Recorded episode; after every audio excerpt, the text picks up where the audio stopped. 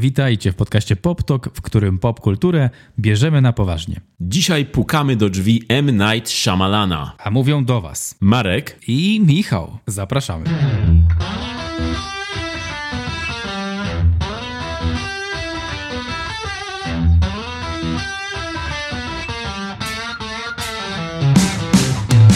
to był taki twist z tej okazji, że dzisiaj rozmawiamy o mistrzu twistów. Twist mistrzu. Twist master. Twist shoe. Twister. Twister z Indii. Twist Indie. Too far. Możemy wszystkie słowa łączyć teraz ze sobą. Tak, po prostu. Z całego zdania łączymy słowa w jedno. Jak masz jakieś notatki, to połącz to w jedno słowo. Tak, będzie szybciej. Oszczędność Ja czasu dla słuchaczy. Ja mogę powiedzieć Sznomalse. To jest pierwszy akapit. Całkowicie się zgadzam, a właściwie ca się zga. A właściwie ca się dzam. To właściwie zm. Dziękujemy za słuchanie dzisiejszego odcinka. Ale my chyba nie idziemy od razu do Szmalalana, no nie? No bo jeszcze jest podmiejski stwór. Ten stwór, jak on się nazywał ten stwór? Sasquatch. Z przedmieścia. Z przedmieść. No właśnie ja zawsze mówię Sasquatch z sąsiedztwa, nie wiem dlaczego. Być może myli mi się z y, tym filmem jakże podobnym Dziewczyna z sąsiedztwa. Dziewczyna Sasquatch. Ah, potatoes, potatoes. Tak, dzisiaj zapraszamy was na nowy film z cyklu Najlepsze z najgorszych, czyli Sasquatch z Przedmieścia. przedmieścia, właśnie, tak. Nie z sąsiedztwa, Sasquatch z przedmieścia. Nie mylcie się, nie, nie pomylcie filmu. Ale z przedmieścia czy z przedmieść? Tu jest y, Suburban Sasquatch, czyli Sasquatch z przedmieścia. On tam ewidentnie grasuje na przedmieściu. Grasuje to duże słowo, ale to, to, co jest dużym słowem, ale takim, który pokrywa się z rzeczywistością, to to, że my będziemy grasować wkrótce. My grasujemy w Łodzi akurat. W kinie Charlie 3 marca w piątek o 20.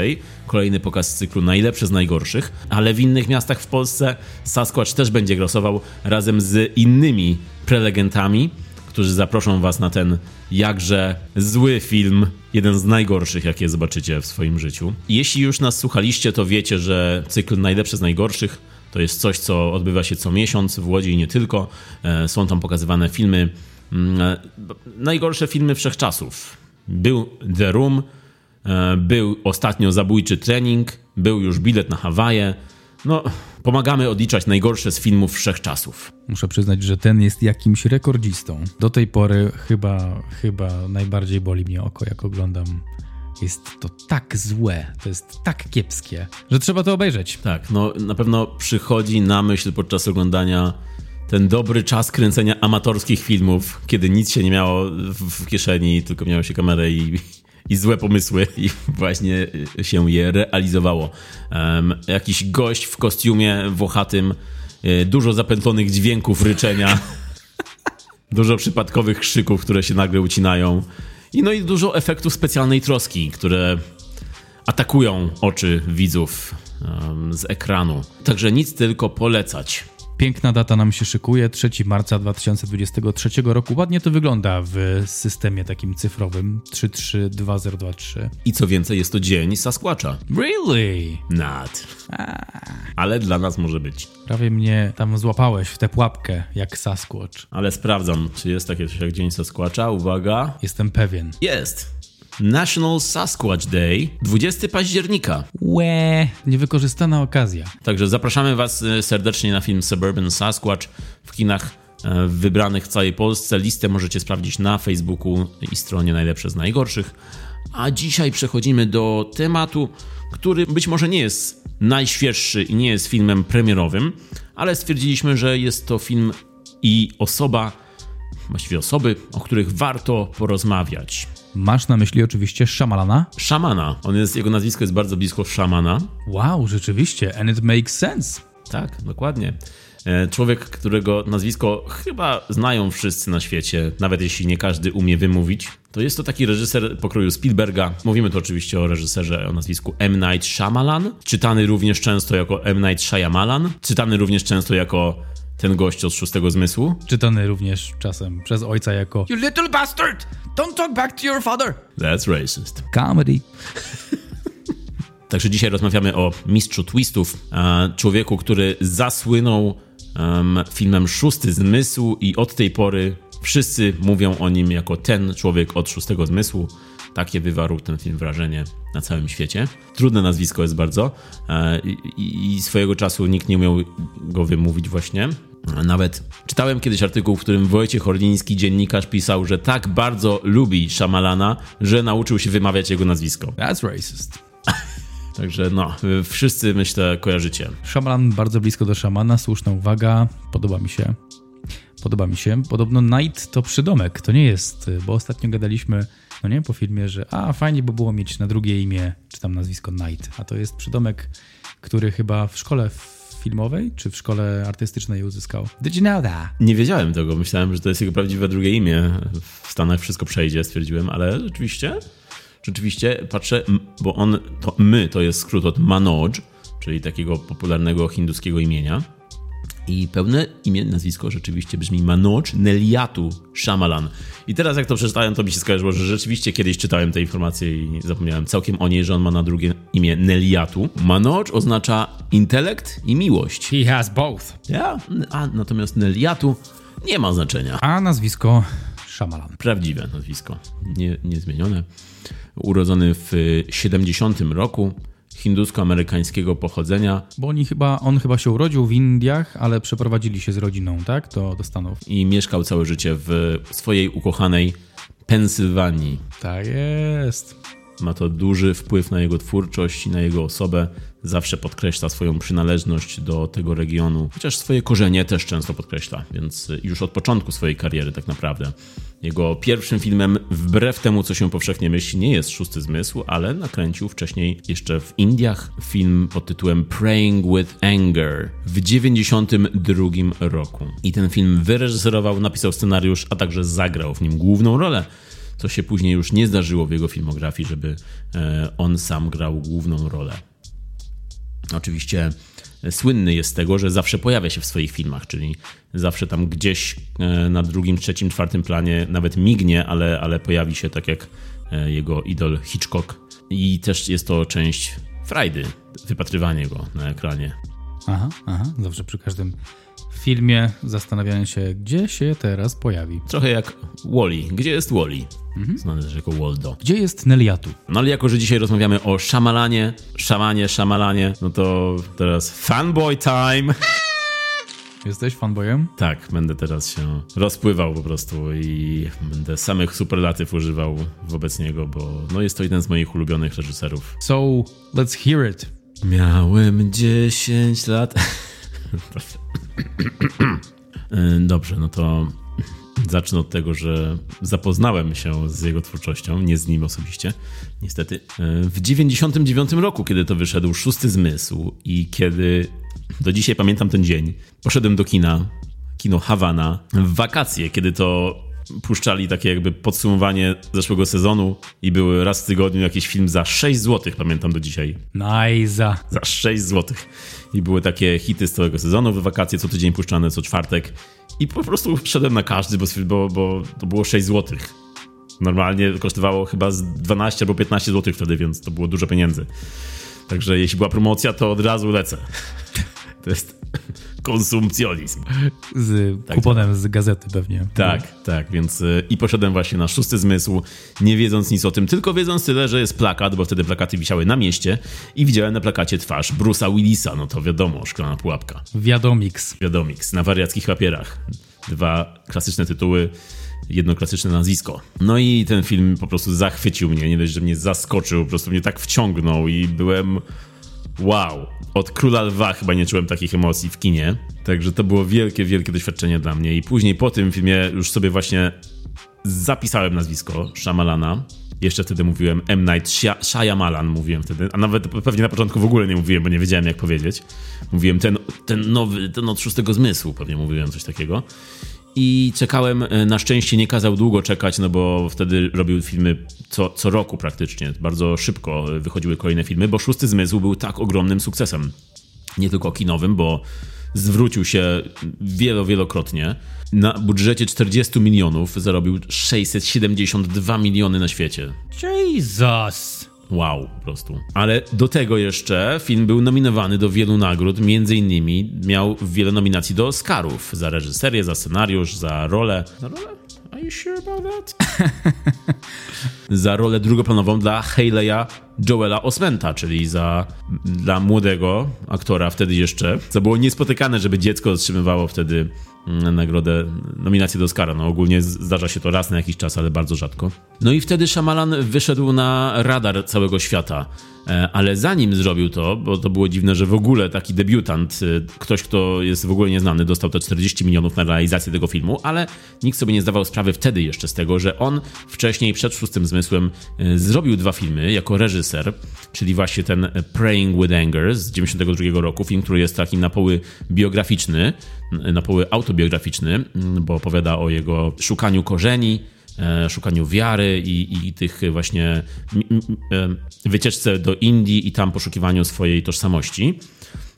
Oraz w 1998 roku zrobił film Dziadek i ja, Wide Awake. Film e, o, o, chłopcu, który traci dziadka i musi sobie radzić i też szuka wiary, szuka Boga. Czyli te dwa jego pierwsze filmy były ewidentnie inne od jego kolejnych, od jego filmografii. E, były to filmy, które nakręcił jak był młody, jeszcze wtedy szukał. Myślał, że będzie robił bardziej kino obyczajowe, familijne mm, i dlatego te filmy tak bardzo się różnią. Filmy nie odniosły oczywiście żadnego sukcesu, straciły pieniądze bardziej niż zarobiły, ale za to Shyamalan dał się poznać jako człowiek, który umie pisać scenariusze i zaczął pisać scenariusze dla innych. Między innymi słynny jest jego scenariusz do filmu Stuart Malutki, Dobry, dobry scenariusz. Taki malutki. Mm, mm, spoko, spoko. Szósty zmysł, potem Stewart malutki. Make tak, sense. Tak, tak, więc y, zasłynął właśnie tym, że, że pisał scenariusze, głównie wtedy familijne, ale też napisał scenariusz właśnie szóstego zmysłu, który zarezerwował dla siebie i dał ten warunek, że on musi go wyreżyserować i to, było, to była karta przetargowa, która bardzo mu się opłaciła, bo później właśnie dał się poznać jako świetny reżyser, człowiek, który potrafi przyciągnąć widzów do kin, już od szóstego zmysłu um, był praktycznie od razu momentalnie znany. No i później w 2000 roku przyszedł jego drugi film również z Bruce'em Willisem, czyli film Niezniszczalny, Unbreakable. Film, na który wszyscy czekali po tym debiucie, jakim był Szósty Zmysł i po słynnym na cały świat zdaniu I see dead people. Ciężko było to przebić, no nie? Bardzo ciężko, bardzo ciężko.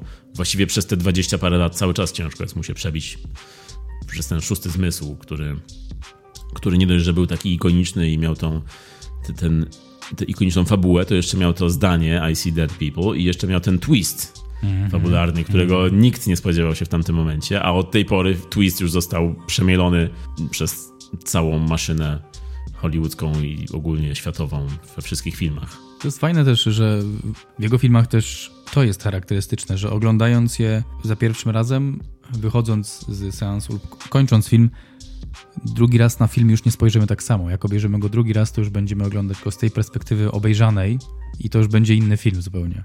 Dokładnie, tak. I to było robione wcześniej, z tym, że on trafił na taki czas, kiedy, kiedy ta tak wysoka jakość w latach 90. E, może nie była aż tak często używana i, te, te, tego typu zakończenia nie były aż tak dobrze zrobione, bo takie zakończenia były i te finały i szoki i twisty były robione dużo wcześniej, ale też y, pewne pokolenie wtedy dorastało razem z nim i wtedy, tak jak ja na przykład po raz pierwszy doświadczyłem takiego twistu i takiego szoku w zakończeniu. I od tej pory wszyscy oczekiwali po jego kolejnych filmach już twistów właściwie. Każdy myślał, że o, wchodzi nowy film e, wchodzi nowy film Twórcy Szóstego Zmysłu, musimy iść na niego, bo tam, bo on ma te twisty. I Niezniszczalny wszedł do kin i to była bardzo duża niespodzianka dla, dla widzów Film bardzo dobrze zarobił, zwrócił się i był też sukcesem, nie aż takim jak Szósty Zmysł. Miał większy budżet, 75 milionów, zwrócił się i zarobił 250 milionów, e, ale był swojego rodzaju dla niektórych rozczarowaniem, bo to był jednak film prototyp kina komiksowego dzisiejszego, czyli film komiksowy, nie oparty na komiksie, tylko na własnym pomyśle Shyamalana, który przewidział 20 lat wcześniej, no może nie 20, ale z 10 lat wcześniej wtedy ten cały szał na superbohaterów.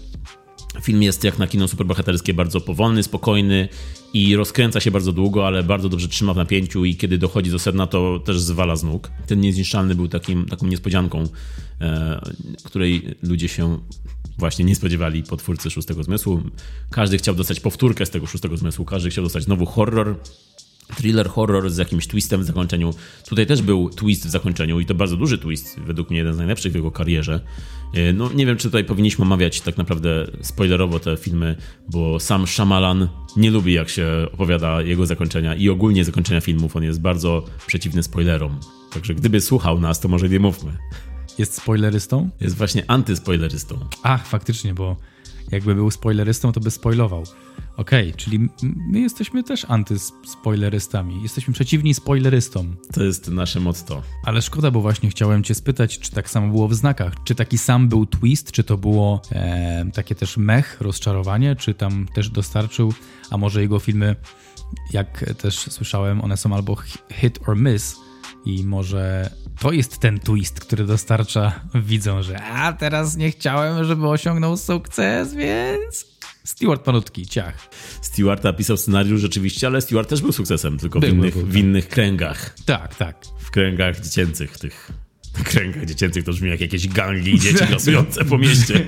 brzmi jak jakiś kult. Małe dzieci. Mamo, mamo, ma. Weź jest... mnie na Stewarta malutkiego.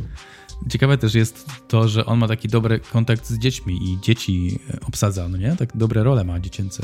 Tak, właśnie to było też to, że przy szóstym zmyśle ta rola e, Osmenta, który już nie miał nigdy takiej dobrej roli, e, jak w tym filmie, jak w tamtym czasie właściwie, e, no to on dał się poznać jako taki drugi Spielberg trochę, no bo nie dość, że praca z dziećmi i wyciągał z dziecka to, co najlepsze, to jeszcze takie tematy poruszał mm, trochę Spielbergowskie, tylko bardziej takie edgy. Ballsy. Ballsy. Niezniszczalny był świetnym filmem, który nie odniósł takiego sukcesu, jak wszyscy myśleli, że odniesie, po szóstym myślę. Um, a z kolei Znaki, jego następny film, trzeci film, e, trzeci duży film, bo tak naprawdę piąty film Shyamalana, e, okazał się też dużym zaskoczeniem, bo wszyscy tym bardziej oczekiwali twistu, no bo i Szósty Zmysł Niezniszczalny, tam były twisty na końcu. I po znakach wszyscy spodziewali się, że, że wow, tutaj będzie film o kosmitach, kręgi w zbożu, temat bardzo wtedy aktualny, wszyscy wtedy mówili o kręgach w zbożu. Tak, było coś takiego, no nie? Pamiętasz What ten czas? Why? ten czas na świecie, kiedy wszyscy mówili o kręgach w zbożu. Pamiętam to, jak pamiętam gumy turbo, ta sama kategoria. Tak, najpierw gumy turbo, później kręgi w zbożu. Przypadek. Także nie wiem, czy to było po prostu, czy to było związane z marketingiem tego filmu, czy to już wcześniej było, nie, nie pamiętam, nie pamiętam linii czasowej tego całego. To everything's connected musiało, musiało być. No ale to w tych znakach to dobre zaskoczenie było, czy właśnie nie za bardzo? No pamiętam jak ja byłem w kinie na tym filmie i oglądałem cały film, byłem tak wciągnięty, tak mi się bardzo podobał film i nagle przyszło zakończenie i okazuje się, że tam nie ma twistu, jest po prostu a. standardowe zakończenie, po prostu za, roz, zakończenie historii. I ludzie działa. siedzą w kinie i tak. czekają jeszcze pół godziny po seansie. Tak było, po napisach może coś będzie, jeszcze jakiś twist. Pamiętam, pamiętam to rozczarowanie, że nie ma tam twistu. Mówiłem, kurde, jak to? Shyamalan, taki reżyser i nie ma twistu na koniec. Dobrze, no. że mam gumę turbo. Tak, no i pamiętam to uczucie do dzisiaj, chociaż dzisiaj, um, dzisiaj stwierdzam, że to było złe z mojej strony, bo po prostu to dałem się ponieść temu tłumowi, że, że oczekujemy twistu. To jest tak jak my chcemy twistu. Wszyscy tak siedzieli w kinie, jak mówili na koniec. Nie wyjdziemy stąd, dopóki nie ostaniemy twistu.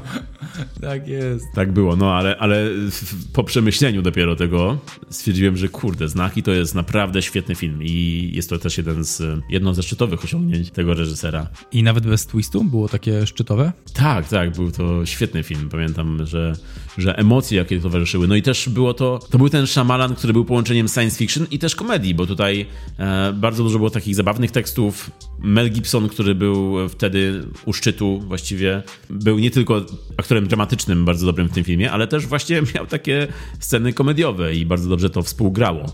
E, I to był też film, który swojego czasu rozczarował publiczność krytyków. Ten film e, wszyscy mówili, że nie, nie dosięga do, do możliwości tego reżysera, że, że Shyamalan zaczął się i się kończy. E, po latach oczywiście okazuje się co innego, bo ten film też, tak jak Niezniszczalny, ma swoje, swój following, jest filmem kultowym, jest uważany za film świetny. Oczywiście nie przez każdego, to jest niemożliwe, ale, ale zmieniło się. Zmieniło się postrzeganie jego wczesnych filmów na pewno. No i, no i później e, przyszedł 2004 rok i film Osada. I tutaj już był taki tak, spadek. Mhm. Spadek całkowity, bo to jest ciekawa sprawa właśnie, bo od tego szóstego zmysłu każdy oczekiwał od niego wielkich rzeczy i chyba przez to, że ta poprzeczka była tak wysoko zawieszona, to każdy się rozczarowywał z jego kolejnym filmem. Mimo, że to naprawdę są świetne filmy, każdy jeden po drugim. A Osada jest filmem, który mnie opadła szczęka, jak zobaczyłem ten film w kinie i jak ten film się skończył. Jest to z szóstym zmysłem chyba jeden z moich ulubionych filmów tego reżysera. Ale ten film miał bardzo złe opinie swojego czasu i bardzo złe opinie widzów i krytyków, bo on, tutaj znowu nie możemy spoilerować, ale ten film kończy się takim twistem, którego chyba ludzie się nie spodziewali i którego chyba, na który ludzie chyba nie byli przygotowani za bardzo. No i osada trzymała przez prawie cały film, trzymała w bardzo dużym napięciu, które na końcu okazuje się, że w ogóle była taka wywrotka na końcu, że to napięcie, jak już ogląda drugi raz ten film, to już nie czujesz tego napięcia, bo już wiesz o co chodzi w filmie. I, I, ludzie czuli się oszukani właśnie. Mimo, że przecież sami przychodzili na jego filmy po twisty, to nagle mm, przyszła taka... Ale jaka obsada, wow! Bro, ja nie widziałem tego, nie widziałem też znaków. Jestem ciekaw, jak to poszło, ale mówisz, że tobie się podobało, tak? Osada ci się podobała, tylko że zebrało dużo negatywnych ocen. Tak, tak, bo było to właśnie, no tak jak mówię, było to coś, taki moment, kiedy widzowie czuli się oszukani tym zakończeniem, mimo że ja właśnie to zjadałem łyżkami to zakończenie. Dla mnie to było coś, coś pięknego, coś, czego wcześniej nie widziałem. Um, Ale znane mordki. Wow. Tak, obsada jest świetna i w ogóle jego filmy kolejne są też znane z tego, że tam zawsze jest jakaś mega gwiazda. Tutaj było dużo gwiazd. Także te twisty, których wszyscy oczekiwali, nagle okazało się, że te twisty to było dla ludzi, dla widzów za dużo. Albo po prostu oczekiwali drugiego, szóstego zmysłu, który nie przyszedł, bo Shyamalan próbował robić coś nowego, za każdym razem coś oryginalnego. On jest znany z tego też, że ma te swoje oryginalne pomysły, e, w które inwestuje całego siebie, idzie po prostu w opór, jak ma jakiś pomysł i nie zważa na nic i, i ma swoją wizję autorską, którą, reali którą realizuje. No ale rzeczywiście ta publika się troszkę zaczęła e, przy osadzie od niego odwracać. To się bardzo już stało przy filmie Kobieta w błękitnej wodzie w 2006 roku. Wszyscy ludzie się odwrócili. Tutaj e, zaczęły już wchodzić, e, z tego co pamiętam, złote maliny. Już były nominacje dla Szamalana, że, że, że on sobie już że już on myśli o sobie wielkie rzeczy, że co to nie on, że jego ego urosło i robi filmy takie jak właśnie Lady in the Water, w których gra rolę drugoplanową, sam grał już większą rolę i to gra gościa, który jest, e, jest jednym z kandydatów do uratowania świata i trochę ludzie zaczęli patrzeć na niego tak kątem oka i myśleć, że on to chyba za, za dużo o sobie myśli, bo w filmie gra człowieka, który pisze i ta jego książka ma ocalić cały świat. Co było ego ma, tak? Tak, i było to interpretowane w taki sposób, że on myśli o sobie, że jego filmy to są nie wiadomo jakie. I tutaj troszkę y, wszyscy pomyśleli o, tym, o, o, nim, że jest taki zadufany w sobie i, i filmy kręci nie dla nas, bo rzeczywiście Kobieta w błękitnej wodzie jest filmem dziwnym. I tu nadal film, który mnie się osobiście bardzo podobał, ale film, który może zniechęcić widzów. I znam ludzi, którzy bardzo nie lubią tego filmu. To jest takie fantazy, ale bardzo takie dziwaczne fantazy. I jego kolejne filmy też mają to w sobie, że są e, takie offbeatowe, nie są takie, nie trzymają się tej trzyaktowej struktury, nie trzymają się takich tradycji, e, chociaż są w pewien sposób takie tradycyjne, e, zwłaszcza jeśli mówimy o sposobie kręcenia ich. On jest twórcą praktycznym, mm, twórcą, który trzyma się tej taśmy 35 mm. On y, kręci na filmie, nie kręci cyfrowo. E, on używa takich sztuczek praktycznych, nie, nie, nie stara się niedużo efektów specjalnych używać, CGI. No i Kobieta w błękitnej wodzie właśnie była takim filmem dziwnym, który jednak mnie też fascynuje, bo to, to ta jego fabuła, którą można interpretować na różne sposoby, no to, to można też e, interpretować na wiele fascynujących sposobów. Mm, tam jest dużo tropów w jego twórczości na pewno. Także Kobieta w błękitnej wodzie była tym momentem, kiedy wszyscy już stwierdzili, położyli na szamalanie wiadomo co. Ale, ale jednak on jest takim twórcą, który mimo tego, że rozczarowywał ludzi z każdym kolejnym filmem, to oni przy kolejnym jeszcze filmie wracali do niego, bo czekali cały czas na ten drugi, szósty zmysł. Jednak cały czas było na plakatach From the creator of the Sixth Sense. Ciągle było, tak? Zawsze. Tak. Za, każdym film, za każdym razem przy kolejnym filmie było cały czas to samo. Z jednej strony ogromny sukces, a z drugiej strony pułapka, no nie? Jak, jak aktorzy, którzy są szufladkowani, bo grali gdzieś tam Harrison Ford from Star Wars, Han Solo, a gościu chce być tancerzem albo chce uciekać przed pociągiem ściganym. Pokaż jak biega. Filmik niedługo trafi na totalny brak kultury na Instagrama. Tak, Marek mistrz kalamburów i pokazywania Harrisona Forda. Pozdro dla kumatych. Bo on tak biega, nikt mi nie wierzy. Także mimo to, że właśnie te kolejne filmy rozczarowywały ludzi, od razu mówię mnie nie, jestem cały czas na pokładzie. Okej, okay, wow, wow, wow. Ale to mówisz jako fanboy czy jako widz? No w, oba, bo... Oba? O, oba, jako oba te pojęcia.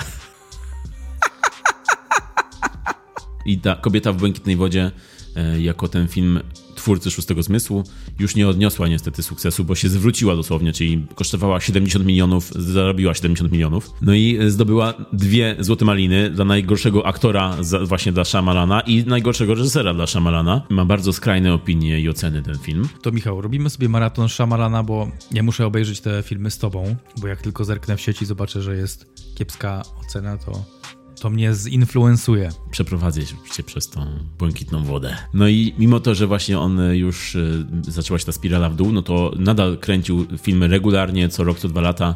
Kolejny film 2008 rok to znowu było coś, co przyciągało ludzi. Mimo, że wszyscy mówili, e, Shyamalan się skończył, to nadal filmy przyciągały. I kolejnym filmem było The Happening, czyli Zdarzenie. Mhm z Markiem Ulbergiem mówiącym do roślin. Say hi to your mother from me. Mówił to? Nie, powiedz mówił, mi, że nie mówił. W sketchu, nie w filmie. No, dobrze, tak. dobrze, dobrze. No, no i to był film, który też bardzo był dobrze zbudowany marketing wokół niego i, i zapowiedzi i wszystko e, bardzo przyciągało do kin, ale znowu bardzo rozczarował widzów, bo to był też film, który nie miał twistu. Ale nie Michasia. No, pamiętam do dzisiaj moment, kiedy poszedłem do kina na ten film z kolegami. Pozdrawiam serdecznie Kamila i Pawła, którzy pamiętają do dzisiaj ten dzień pewnie, bo oni wyszli po prostu rozczarowani, zażenowani wręcz, a ja wtedy próbowałem, no nie, nie, nie, no wiecie, no, to jest, to jest szamala, no wiecie, no. Próbowałem go bronić, ale nie działało nic po prostu. I to jest film, który uważam, że nie jest dobrym filmem, ale uważam, że jest tam, że, że dobrze się go ogląda przede wszystkim i dla fana, dla fanboya wręcz, jest tam też dużo, dużo ciekawego materiału, dużo fascynujących rzeczy na ekranie się dzieje, które dla przeciętnego widza po prostu nie będzie tego drugiego poziomu i drugiego dna. On po prostu odrzuci ten film, bo tam się dzieją śmieszne rzeczy często i takie trochę pomysły są chybione czasami bo Shyamalan właśnie ma do siebie to, że ma wielkie pomysły i realizuje je, mimo że to jest bardzo ryzykowne często. Te pomysły są ryzykowne i mogą się wydawać bardzo dla jednych. Instant aging.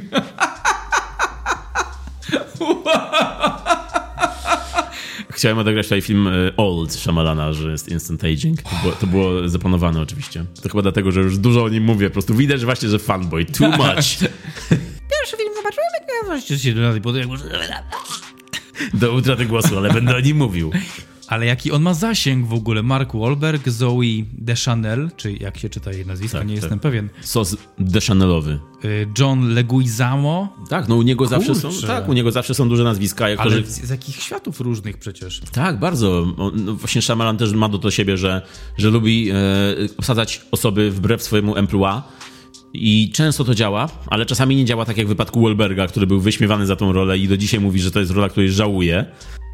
On mówi, że żałuje. Tak, tak, bo on nie pasował w ogóle do tego filmu, do tej roli, bo on tam grał y, nauczyciela, y, który jest takim osiłkiem, ale próbuje być nauczycielem takim wrażliwym, tak mówi, mówi do dzieci tak, w taki sposób, że y, było to czytane tak śmiesznie. Ludzie się śmiali z tego filmu i z tych jego kwestii, bo nie pasował kompletnie tej roli.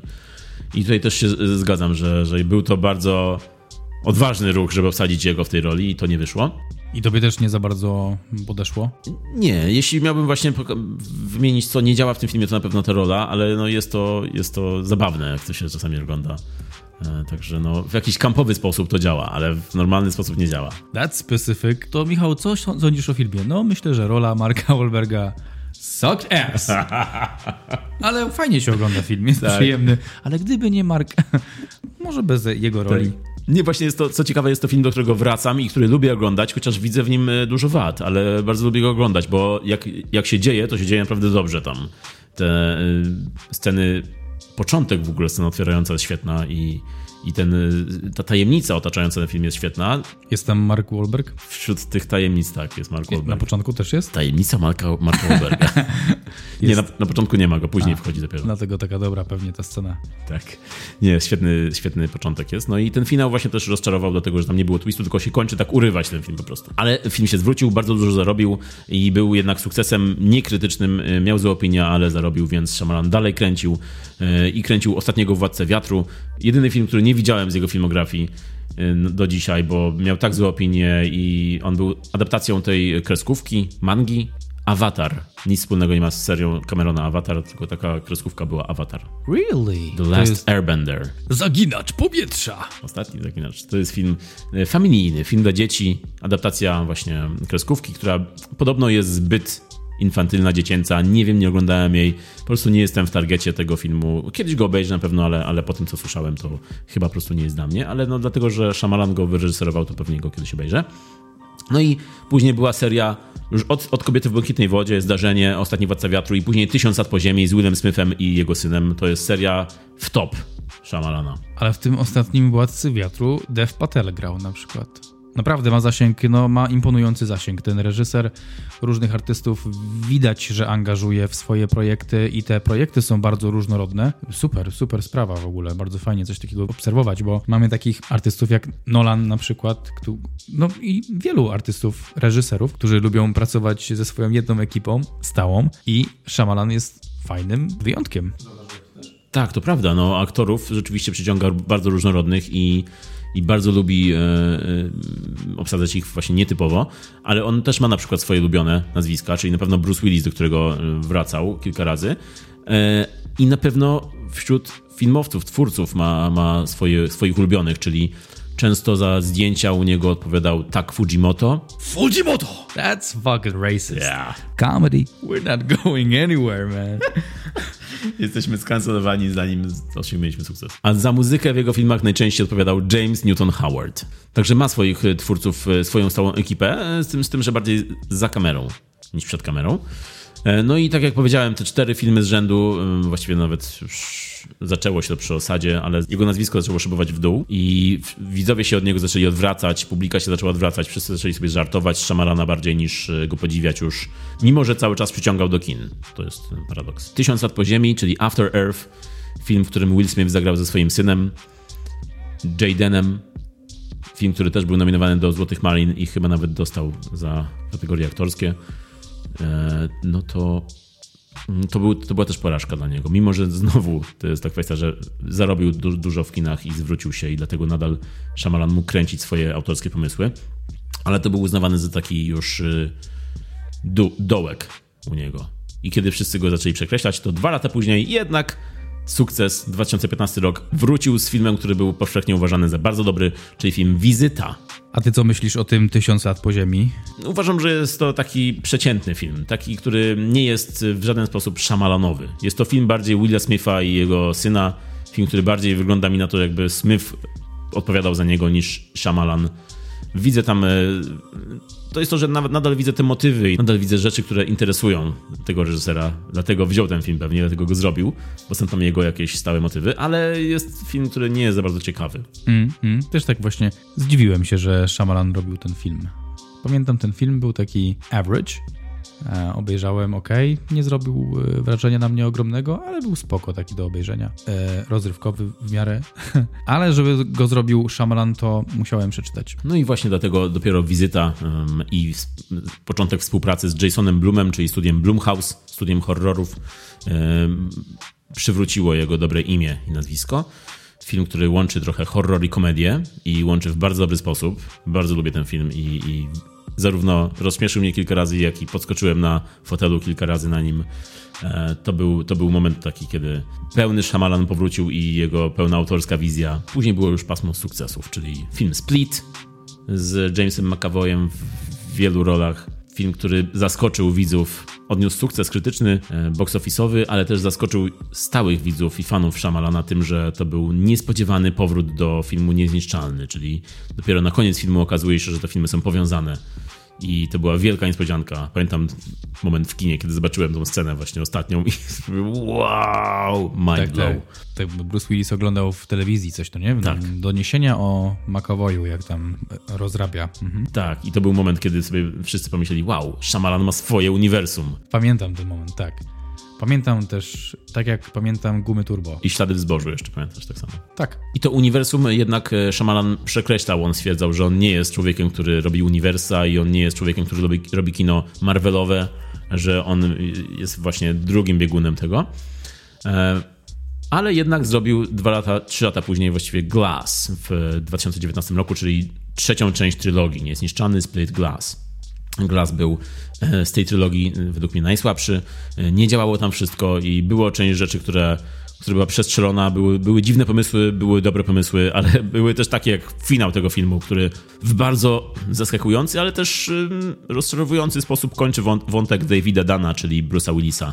Spoiler! Nie powiedziałem w jaki sposób. Nie powiedziałem, że umarł. No i, i jest to też film, który przez połowę swojego trwania nie używa Samuela L. Jacksona, który tam siedzi i nic nie mówi. Jak można dać Samuela L. Jacksona w fotelu i powiedzieć, teraz nic nie mów? Jest to na pewno zabieg celowy i jest to też kolejny z tych serii pomysłów, jakichś odważnych, dużych pomysłów, które niekoniecznie muszą działać, ale, ale jest, nadal szanuje za pomysł. Szanujesz czy szamalanujesz? Szamalanuje, masz rację. Masz rację.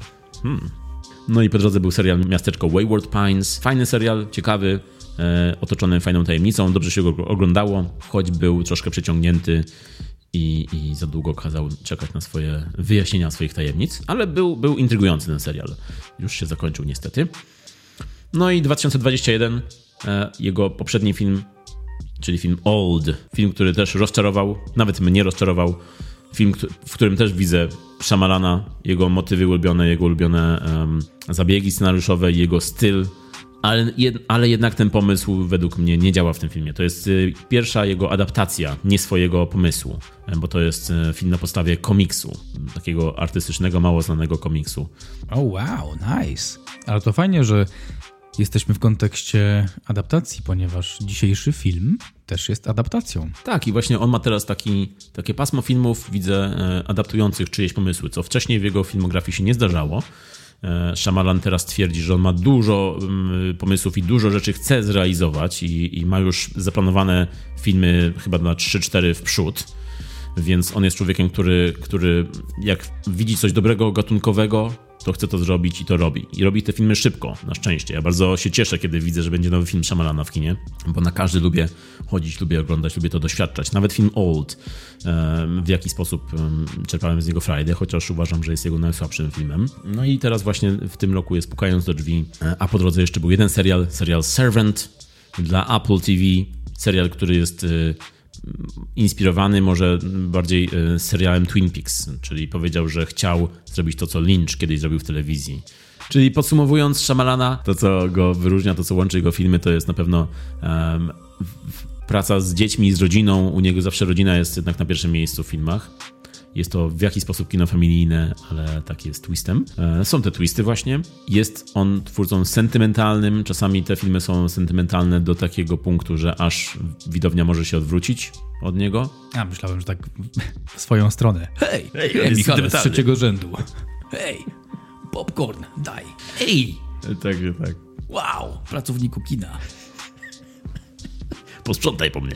Uuu, upuściłem popcorn, Zobacz. wylewam Pepsi. Kolejna rzecz jest taka, że lubi duże pomysły, większe niż życie, czasami używa sci-fi, ale na bardzo poważnie. E, Ma swój styl też zrobienia filmu. To jest styl bardziej oldschoolowy. Nie idzie właśnie w styl Marvela, w szybkie kino, tylko zawsze ma swoje nieśpieszne tempo. I w jego filmach zawsze jest taka walka o indywidualizm. I jest też kwestia wiary, kwestia tradycji. No i on też sam twierdzi o swoich filmach, że dla niego filmy powinny być jak sushi. Jak najmniej składników, w jak najlepszej jakości. Bra, that's very good. Czy taki też jest film Pukając do drzwi? Krótka odpowiedź. Myślę, że tak. Według mnie. Marek Szczepański. Pozdrawiam serdecznie. A w ogóle słuchałeś mojego The Last of Us, ostatniego odcinka? Słuchałem, uważasz, że, nie, że powiedziałem, że nie napisałem, czy słuchałem. No Co? wiem, ale... You, You call my bluff? Full of shit, yeah. Nie, słuchałem, słuchałem, tylko nie tego dnia, bo obejrzałem i było późno już i byłem zmęczony. Eee, Co jest intro? co jest w intro? O Boże, nie pamiętam, co jest w intro. Wow. Powiedziałeś wtedy, że Nie nie, słuchałeś. że zostawiamy jakieś te... Nie słuchałeś. Słuchałem, Pamiętałbyś, co jest w intro. My Nie- dear Gdyby friend. było moje imię, to bym pamiętał, ale nie było. Zrobiłem się czerwony teraz. Nie, nie pamiętam. E, polecam oczywiście ten cykl. Polecam tego Allegrowicza. A Family było w Tak jest! Pamiętam, dobrze. No dobrze, Family było, okej, dobrze, dobrze. Masz słuchawkę dobrze. w uchu i teraz sobie puściłeś, prawda? Mam transkrypt przed sobą. Pod tego Szamalana motyw rodziny, obecny w filmach Szamalana i obecny w ustach Dominika Toretto. I tak jak mówiłeś wcześniej o adaptacjach, ten film też jest adaptacją książki, e, którą napisał e, Paul Tremblay. O dwóch książkach wiem, że napisał. Jedna to Pukając do drzwi, a druga to Głowa pełna duchów. I ciekawostka jest taka, że Głowa pełna duchów ma być zrealizowana też, ma być film zrobiony przez Scotta Coopera, gościa od Bielmo, albo Pakty z Diabłem, ten film z Deppem. I ma też wyjść w tym roku, ma być światowa premiera, więc y, szacunek dla pisarza, że takie dobre książki napisał. No i wstępny szacunek dla Shyamalana, że em, taką fajną adaptację udało mu się przenieść na ekran. A film Pukając do drzwi opowiada o rodzinie, em, bardzo uroczej rodzinie, która zostaje napadnięta lub taka osaczona, bardziej ktoś ich naszedł, więc można powiedzieć, że nachodzona, Najścięta? najścięta, najścięta. Przez uzbrojonych ludzi, obcych, nie znają się, and they're like armed and dangerous. No i y, y, ich, ich żądaniem te, tej grupki ludzi jest y, wybranie przez tą rodzinę osoby do poświęcenia, do zabicia, ale z, z ich woli. E, I tłumaczą to tym, że oni muszą wybrać kogoś, muszą poświęcić kogoś, bo tylko w taki sposób mogą powstrzymać apokalipsę. Mogą uratować wszystkie osoby na całej planecie, wybierając tylko jedną osobę do zabicia ze swojej rodziny. Jest to film, który zaczyna się od trzęsienia ziemi, czyli to jest e, tak jak zwykło się mówić, czyli wchodzimy od razu w akcję. Zaczyna się od czegoś wielkiego. Swoją drogą zaczyna się od trzęsienia ziemi, a później napięcie rośnie. Jest takie powiedzenie, które jest przypisywane Hitchcockowi. On używał tego, ale chyba nie był pierwszy z tego co wiem. On tam wcześniej, jeszcze przed nim wiele, wiele lat, chyba Samuel Goldwyn czy ktoś inny też ze starego Hollywood używał tego określenia. Fun fact. Użyłem tego dlatego, bo Hitchcock jest ważny dla Szamalana. Ym, I właśnie ten film jest taki, że nas wrzuca bezpośrednio w akcję. Jest właśnie, tak jak powiedziałeś, tam home invasion na początku od razu, czyli od razu mamy dziewczynkę, która jest, bawi się przed domem i od razu poznaje tą grupę, właściwie na początku poznaje Leonarda, granego przez y, Dave'a Bautistę. Y, I od razu zaraz pojawia się grupa, która y, robi to właśnie, robi to invasion, to najście. No i nie mamy dużo takiego czasu, żeby poznać tych wszystkich ludzi, tylko jesteśmy od razu wrzuceni właśnie w ten wir akcji, co wydawało mi się ciekawym zabiegiem i oryginalnym pomysłem jak na Shyamalana. U niego zazwyczaj jakoś docieramy do tego głównego wątku, a tutaj właśnie ten wątek się pojawia od razu, a później to jakby eskaluje dopiero i trwa ta zagadka, o której powiedziałeś, czyli mm, e, czyli świat się skończy, jeśli nie spełnią jakichś e, żądań, czy nie spełnią jakichś rzeczy, które od nich wymagają. I wokół tego mm, oscyluje cały film, całe to napięcie, całe, cała tajemnica, czy to, co oni robią, to jest prawda, czy nie. Jest ta wątpliwość co do realizmu znowu, no nie? Jak u Shyamalana, że mamy, mamy jakiś temat przedstawiony i myślimy sobie, to jest niedorzeczne, y, to co oni mówią, że świat się kończy i wybierając osobę z rodziny zapobiegną e, tej apokalipsie. E, Jest to absurdalne i niedorzeczne, jak, jak słuchamy tego na początku, ale powstaje to pytanie jednak, mimo wszystko, wait, a czy aby na pewno, no nie, co?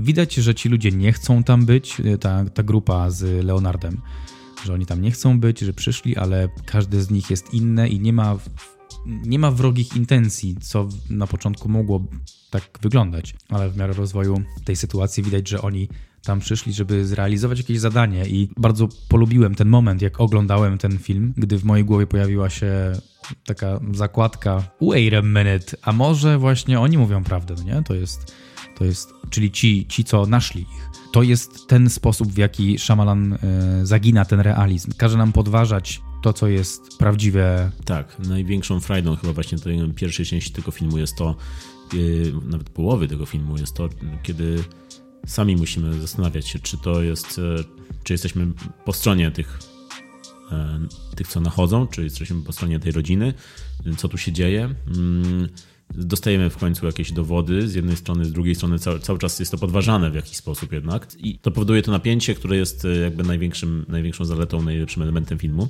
No i też te ulubione motywy Shyamalana powracają, czyli kwestia wiary, komu wierzymy, w co wierzymy. I później też jest kwestia przebudzenia, zdania sobie sprawy, że jest się ważną częścią czegoś większego, czyli że ma się jakąś misję. To jest też jedna z takich e, cech filmów Shyamalana.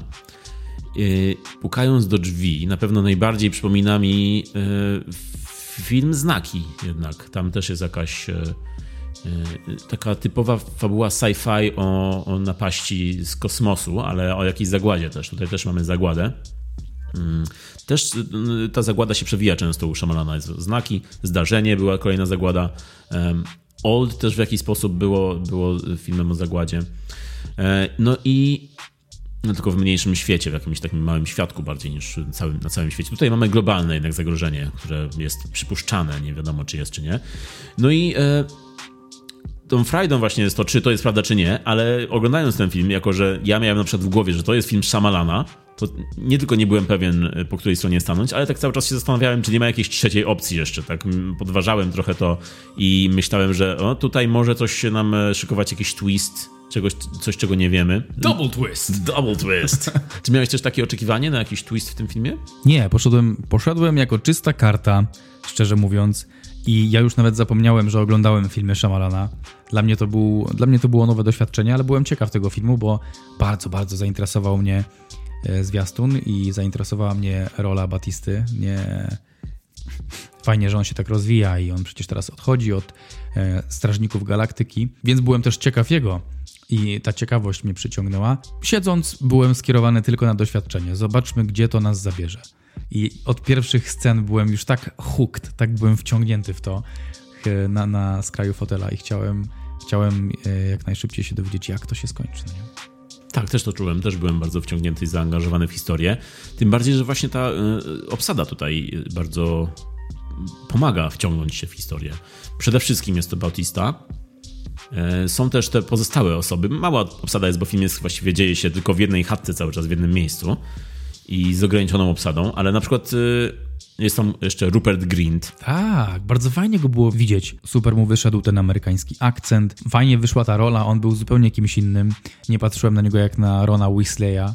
Chyba i to jest wyjątek, bo zwykle na niego tak patrzę, ale tutaj był his own guy, y, bardzo fajnie, no szacun. Też mi się go dobrze oglądało. On w ogóle zaczął współpracę z Shamalanem już przy okazji serialu Servant, y, w którym, w którym grał jedną z głównych ról.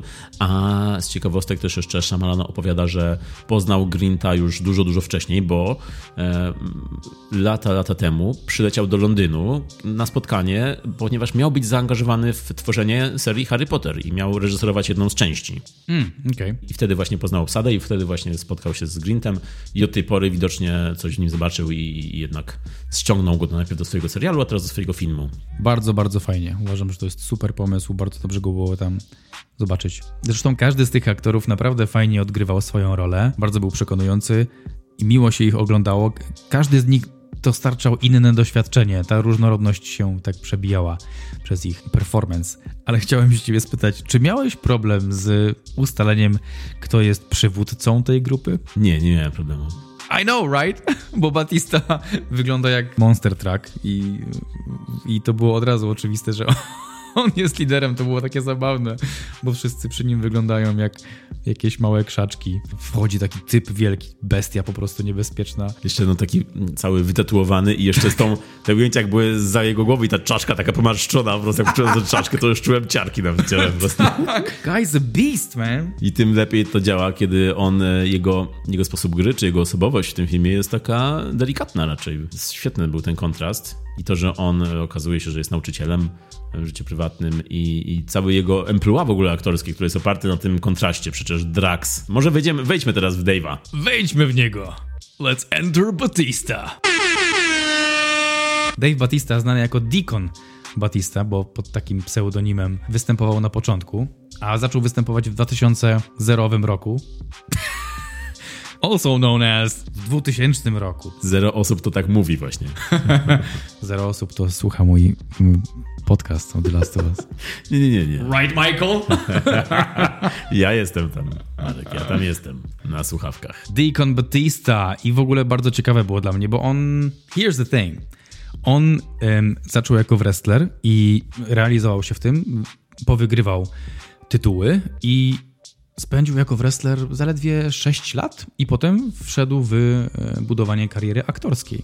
I to jest bardzo ciekawe w nim i wydaje mi się, że to daje mu też przewagę e, w tym nieoficjalnym wyścigu z Johnem Ceną i Dwaynem Johnsonem. Jak myślisz, z tej trójki on jest najlepszym aktorem, czy dałbyś jeszcze Johnsona czy, czy Cenę no, gdzieś tam w rankingu z nim? No rzeczywiście oni są różni pod tym względem, pod względem wyboru ścieżki swojej kariery, bo Dwayne Johnson jest po prostu Dwaynem Johnsonem zazwyczaj, czyli The Rockiem, e, osobowością większą niż życie, osobą większą niż życie, influencerem, biznesmenem, e, aktorem, który grywa w tych franczyzach swoich i jest takim zawsze zastrzykiem energii e, w tych seriach, w których, do których dołącza, jak, jak na przykład Szybcy i Wściekli. I ma wielu, wielu fanów, e, którzy zawsze się stawią na jego filmach. No ale na pewno grywa zazwyczaj te same role, czyli jest zazwyczaj taki sam Rock. Nie, nie ma takiej na razie roli odkupienia na przykład, która mm, kandydowałaby do nagród. On, on na początku swojej kariery bardziej próbował e, innych rzeczy, czyli był film Southland Tales e, Richarda Kelly'ego, w którym miał bardziej ambitną rolę i w ogóle film był bardziej ambitny, ale film odniósł porażkę. To był e, film, który artystycznie i finansowo odniósł porażkę. Więc wydaje mi się, że do tej pory już The Rock stwierdził, że ok, będę The Rockiem i będę grywał właśnie w takich mm, blockbusterach. E, Także jest to innego rodzaju aktor. Mm, John Cena z kolei bardziej ostatnio wyrósł na aktora komediowego. Bardzo, bardzo poszedł w stronę komedii.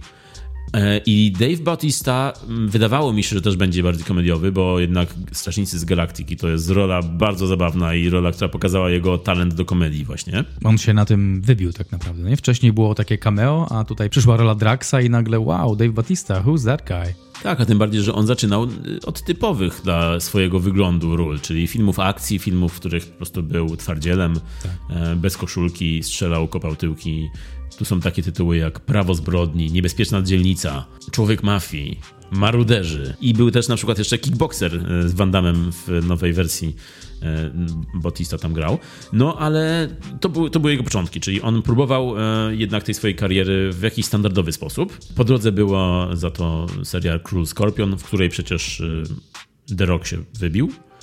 Mm, Był e, też film Bonda, czyli Spectre. Z Danielem Craigiem. Tak, tak, tak, w którym Batista grał e, jego przeciwnika. I który uszkodził Daniela Craiga i Daniel Craig też uszkodził jego, zresztą musieli opóźnić, no nie, trochę tą produkcję, bo kolano e, Craigowi uszkodził, jak się tam przepychali. To była chyba scena w pociągu albo w jakimś e, pojeździe. Oni walczyli tam, to była ciasna przestrzeń i Batista nim trochę rzucał jak lalką i Daniel Craig, e, kolano mu wyskoczyło i musiał mieć operację.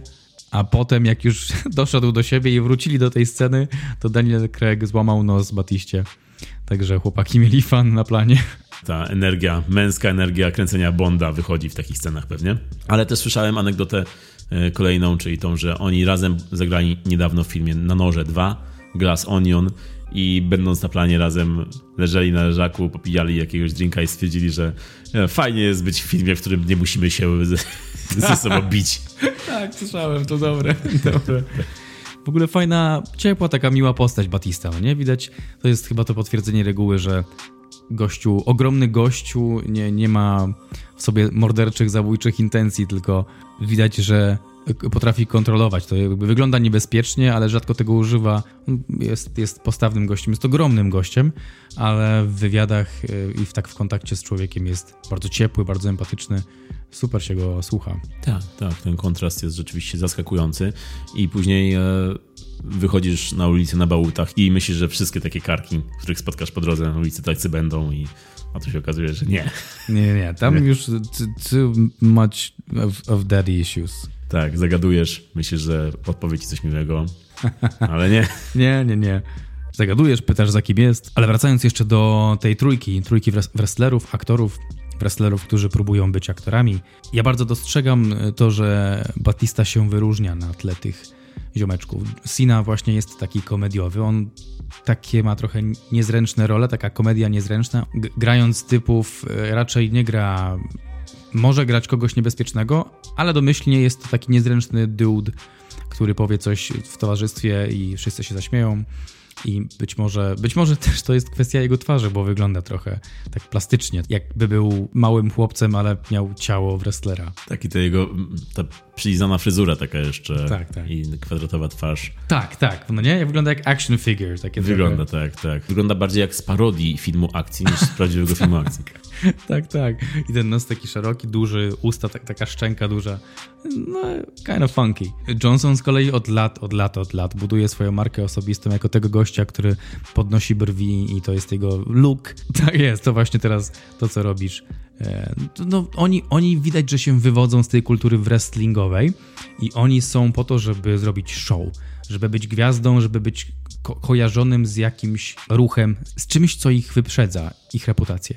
A Batista jest takim ziomeczkiem, który powiedział w pewnym momencie, chce być aktorem. I, I, on się rozwija aktorsko, on tworzy rzemiosło. Pojawia się w różnych rolach. Jak grał Draxa, kurczę, zawsze działał ten jego, ten jego żart. Yy, yy, był bardzo zabawny. Ta scena, jak je chipsy i, i mówi, że próbuje być niewidzialny.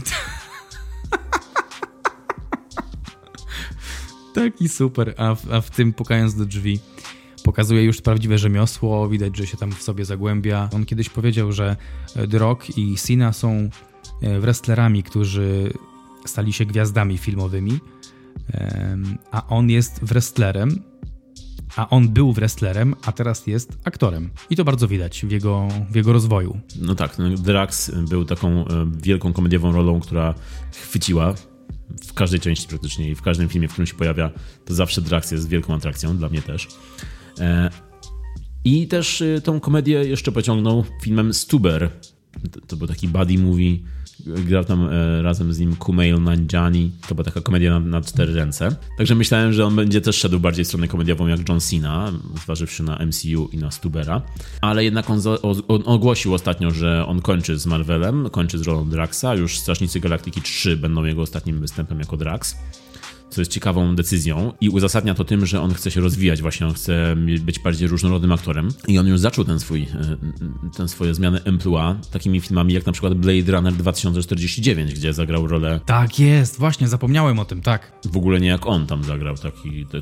zaskoczył mnie na przykład jego widok na ekranie w tej roli. I on miał po drodze właśnie takie role jak w tym Blade Runnerze, miał też Dune przecież, w Dune zagrał um, bardzo złowrogi, złowrogą rolę takiego gościa, którego się boisz jednak.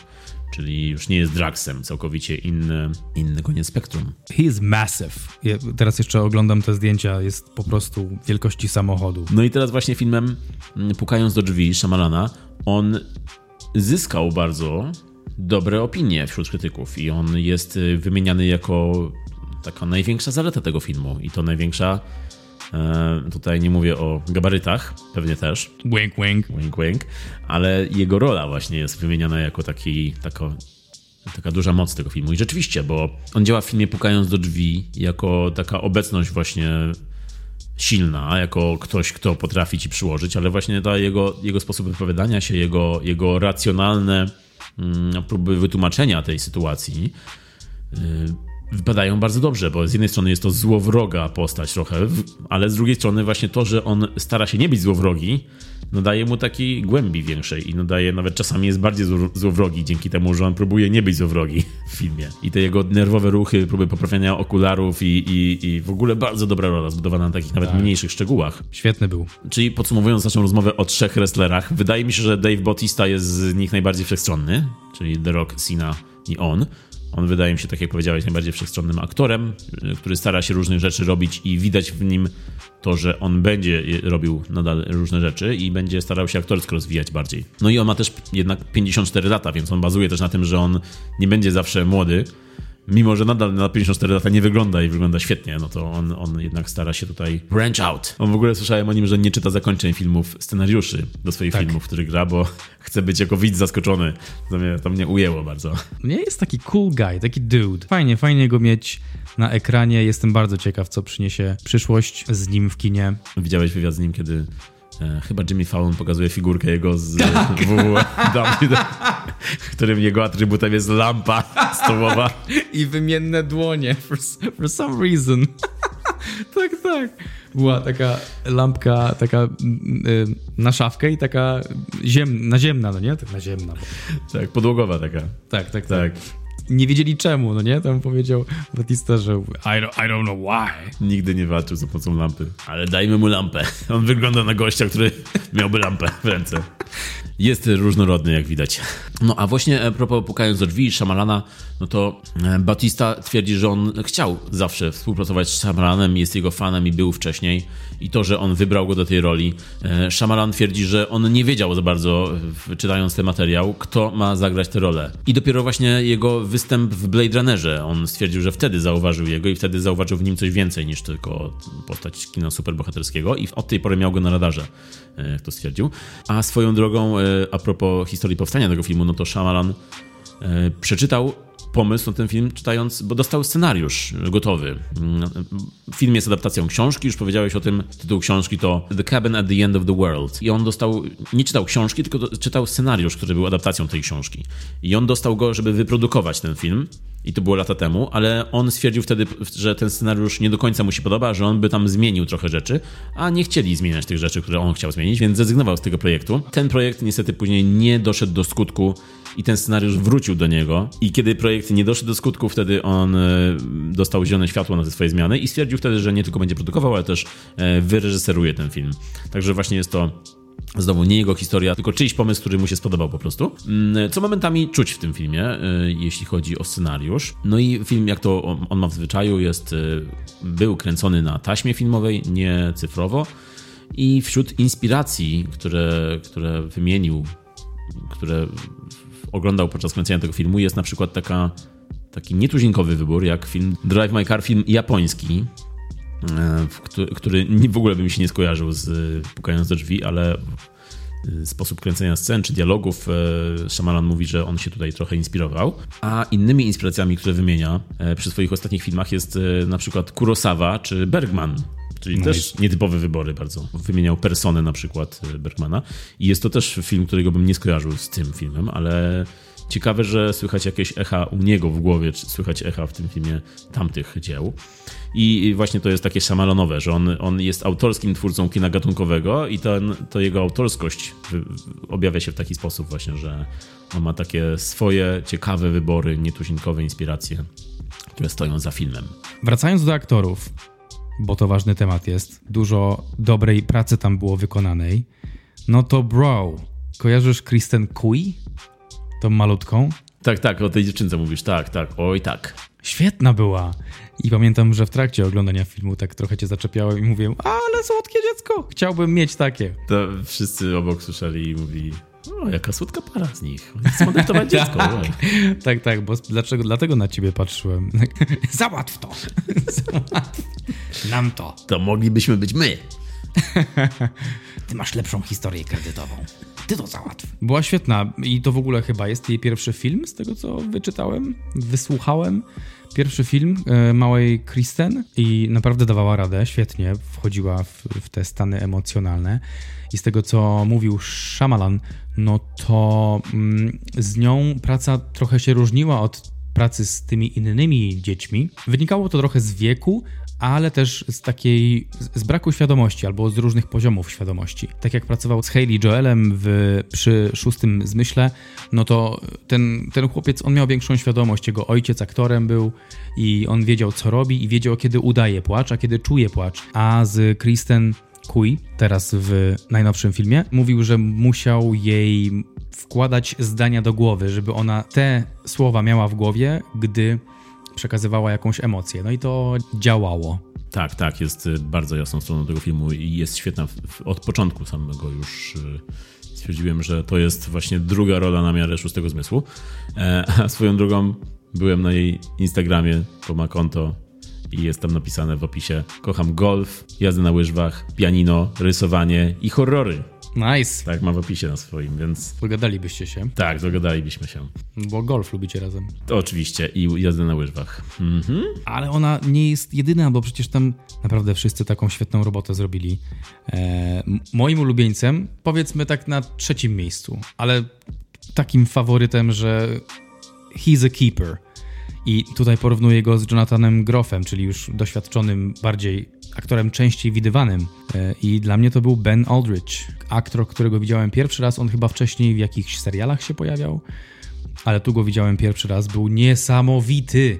To, w jaki sposób napięcie utrzymywał przez cały film, jaka to była, jakie to było obciążenie, jak, jak on to autentycznie odegrał. Wow, wow, wiła. Świetna praca, świetna, świetna praca. Wow, jestem pod ogromnym wrażeniem. Jeszcze raz bym tylko dla niego obejrzał ten film. Rewelacja. Tak, on grał jeszcze w serialu Fleabag, skąd go pamiętałem, ale oprócz tego rzeczywiście nie, nie znałem go z innych tytułów. I on i razem z Jonathanem Groffem, który zresztą grał z agenta Smitha w ostatnim Matrixie czwartym, e, oni stworzyli bardzo fajną parę, no bo tutaj nie powiedzieliśmy jeszcze, że ta dziewczynka Wen, ona ma dwóch tatusiów. I ta rodzina jest e, jakby bardzo ciekawym motywem, no bo nie wiemy do końca, czy to nie jest w jakiś sposób związane fabularnie z tym, e, z tym najściem. I to jest też e, element napięcia, to tworzy napięcie. Czy to jest, czy oni napadają na nich ze względu na to, że oni są nowoczesną rodziną i czy tam będzie jakiś właśnie taki konserwatywny element. e, Ale okazuje się właśnie, no nie wiesz, zresztą nie będę mówił, co się okazuje, bo to byśmy wchodzili w spoilery. To, że oni tworzą, Jonathan Groff i Ben Aldrich tworzą tutaj homoseksualną parę, to to w kontekście tego napięcia i w kontekście tego najścia, tego home invasion też jest e, kolejnym ciekawym elementem i kolejną ścieżką, którą może pójść e, scenariusz i, i ten film. Było to na pewno intrygujące i, i podobało mi się ten, podobał mi się ten zabieg. Ale jeszcze a propos aktorów, no to jest ta aktorka Nikki Amuka Bird nazywa się i ona ma twarz taką, że aż hipnotyzującą taką twarz.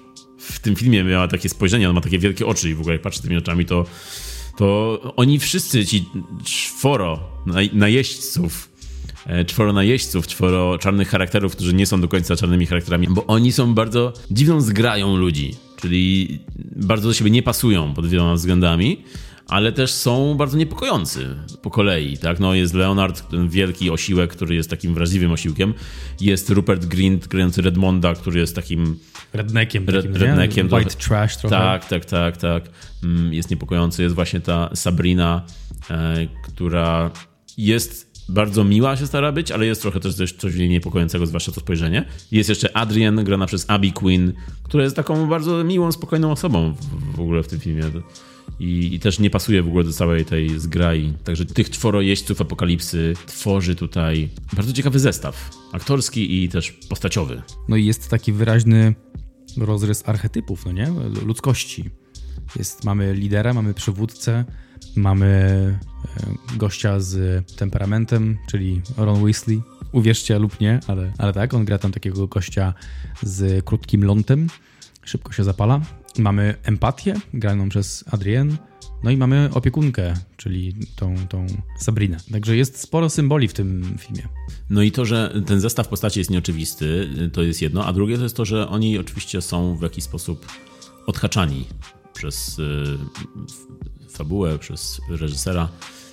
I to w jaki sposób, w jakiej kolejności na przykład oni, oni, się, oni znikają, to też jest zaskoczeniem, bo bardziej spodziewałbym się po typach tych postaci, że ktoś inny zostanie na końcu, w sensie inna, inny rodzaj, inny charakter zostanie na końcu, bo zazwy- zazwyczaj w takich zestawach Em, no to ciężko powiedzieć mi, nie wchodząc w spoilery, ale zazwyczaj w takich zestawach na końcu zostaje ktoś z większym zagrożeniem, z większą, w sensie takim większym, em, ktoś bardziej niepokojący.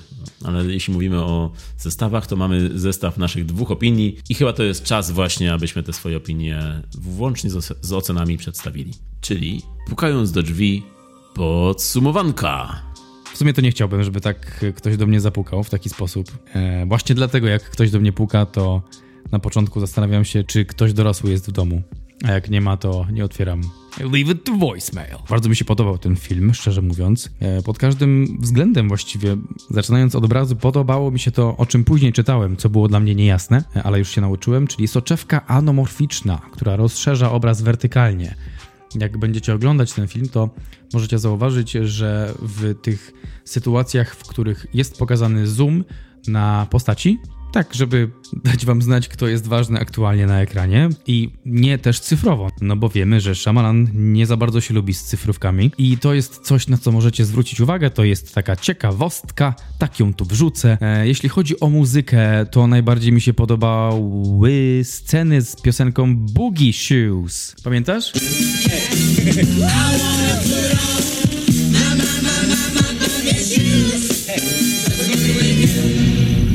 Pamiętam, pamiętam. Ale to był fajny mood, jak sobie siedzieli i śpiewali tą piosenkę.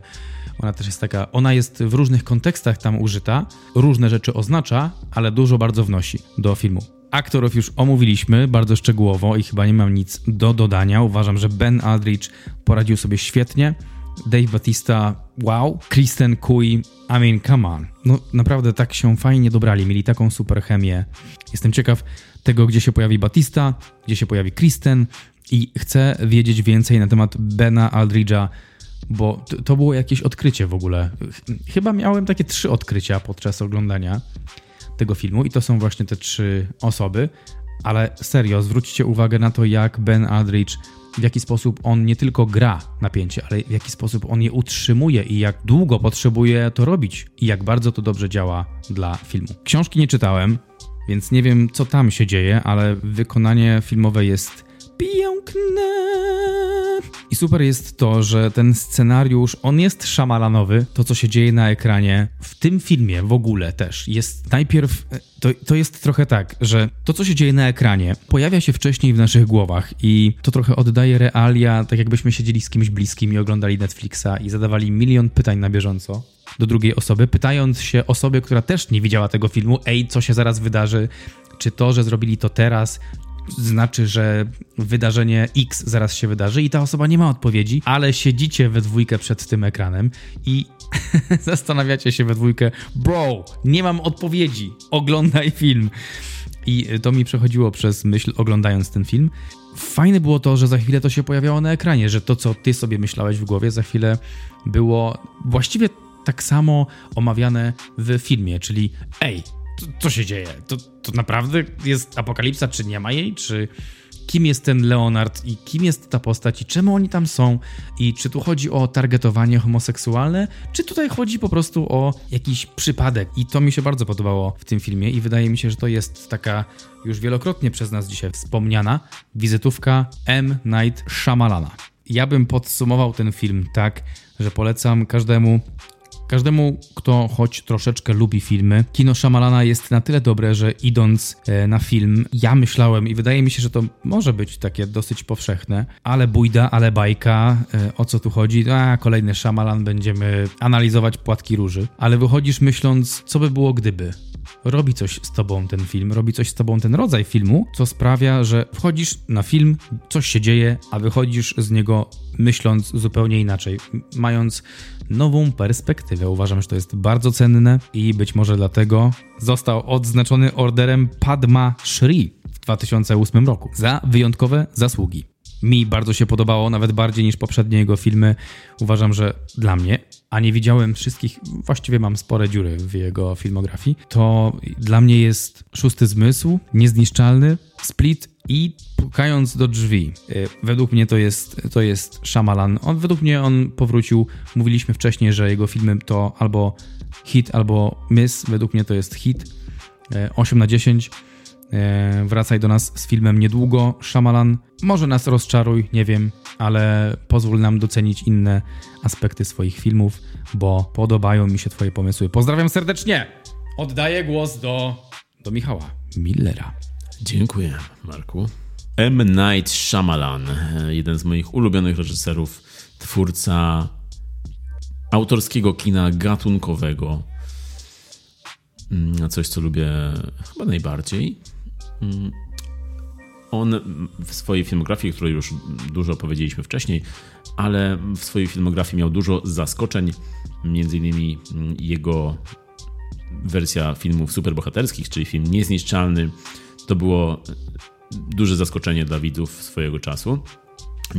Nie, spodziewali się po tym filmie filmu superbohaterskiego. E, później, po wielu latach, e, kiedy zrobił Split, sytuacja się powtórzyła, bo znowu się nie, widzowie nie spodziewali, że to będzie film superbohaterski i jeszcze do tego nawiązujący do jego poprzedniego filmu superbohaterskiego. I kiedy przyszła trzecia część tej trylogii, czyli Glass, wszyscy już się spodziewali po tym filmie kina superbohaterskiego, a on znowu wywrócił oczekiwania i, i z filmu, który miał być domknięciem trylogii Superhero, stworzył coś na zasadzie bardziej analizy, podejścia do superbohaterów i, i filmu, który dzieje się przez połowę swojego trwania w zakładzie psychiatrycznym. E, stworzył coś na zasadzie lotu nad kukułczym gniazdem filmów superbohaterskich, który nie do końca mu wyszedł, ale to jest e, też jego urok, to, że on często bierze jakiś duży zamach nie zawsze trafia, ale jest w tym bardzo autorski, bardzo swój. Nawet poprzedni film, czyli Old, był jednym z jego słabszych filmów, chociaż paradoksalnie był bardziej jego filmem niż na przykład powiedziałbym o filmie Pukając do drzwi. Pukając do drzwi jest to jeden z mniej szamalonowych filmów w jego filmografii, bo według mnie podejmuje w nim trochę mniej ryzyka niż zazwyczaj. Nawet właśnie Old było takim filmem ryzykownym, chociaż nie poszedł, ale, ale, ale był. E, I Pukając do drzwi jest filmem, który dostarcza dużo frajdy. Mm, jest może bardziej typowy, ale jest solidny.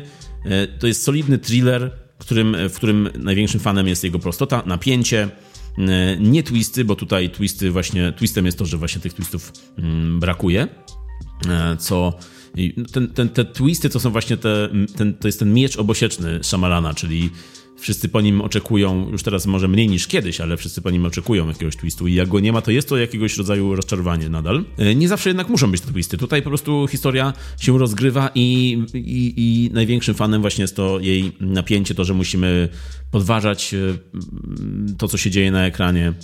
I przede wszystkim to, co wynosi ten film wyżej, to jest styl szamalanowy. E, on ma zawsze swój taki konkretny własny głos, e, którego używa w kinie i nawet właśnie styl pracy kamery, nawet dialogi są bardzo jego. Sposób mówienia aktorów to jest bardzo teatralne u niego i ujęcia, sposób budowania tych ujęć nie jest taki oczywisty. Mm, kiedy jest przemoc, a w tym filmie jest e, sporo przemocy, to ta przemoc jest często trzymana poza kadrem. Mm, e, nie widać dużo tej przemocy, chociaż ją czuć. To jest też siła tego, tej jego eleganckiej reżyserii, te przemyślane zdjęcia. Mm, przez to jeszcze też nawet czasami bardziej dotkliwie odczuwamy tę przemoc, kiedy jej nie widać. E, za to widać po filmie, że jest to adaptacja ciekawego pomysłu, mm, pewnie ciekawej książki, której nie znam, ale podobno, ale podobno jest to y, książka, którą, która była uznawana za trudną do adaptacji. Wtedy wszedł właśnie Shyamalan, ją zadaptował, y, stworzył z tego solidny, dobry film. Mm, który podobno ma zak zmienione zakończenie y, niż w książce i to zakończenie y, chciałbym poznać może to jak, chciałbym poznać zakończenie, które było w książce, bo tutaj zakończenie jest y, może nie jest najmocniejszą stroną tego filmu. Jest nadal dobre, solidne, ale nie jest taki, jak spodziewałem się, że będzie, że będzie jakieś, wyniesie ten film jeszcze wyżej.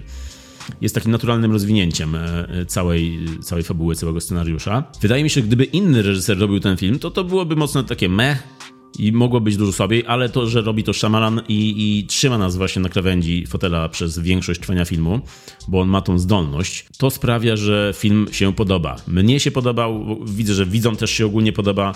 E, opinie są z tego, co do tej pory widziałem i słyszałem, dobre. Film zarobił też solidnie w kinach, bo na 20-milionowym budżecie e, już się zwrócił, zarobił 50 milionów, co nadal jest jego sukcesem i powoduje to, że kolejne jego filmy powstają. Czyli jest to naprawdę dobra rozrywka przede wszystkim. E, tak jak powiedziałem, jest to mniej szamalonowy film, mniej taki troszkę udziwniony, mniej alienujący może niektórych widzów, on bardziej przyciąga właśnie, on jest taki uniwersalnie, może być uniwersalnie lubiany po prostu.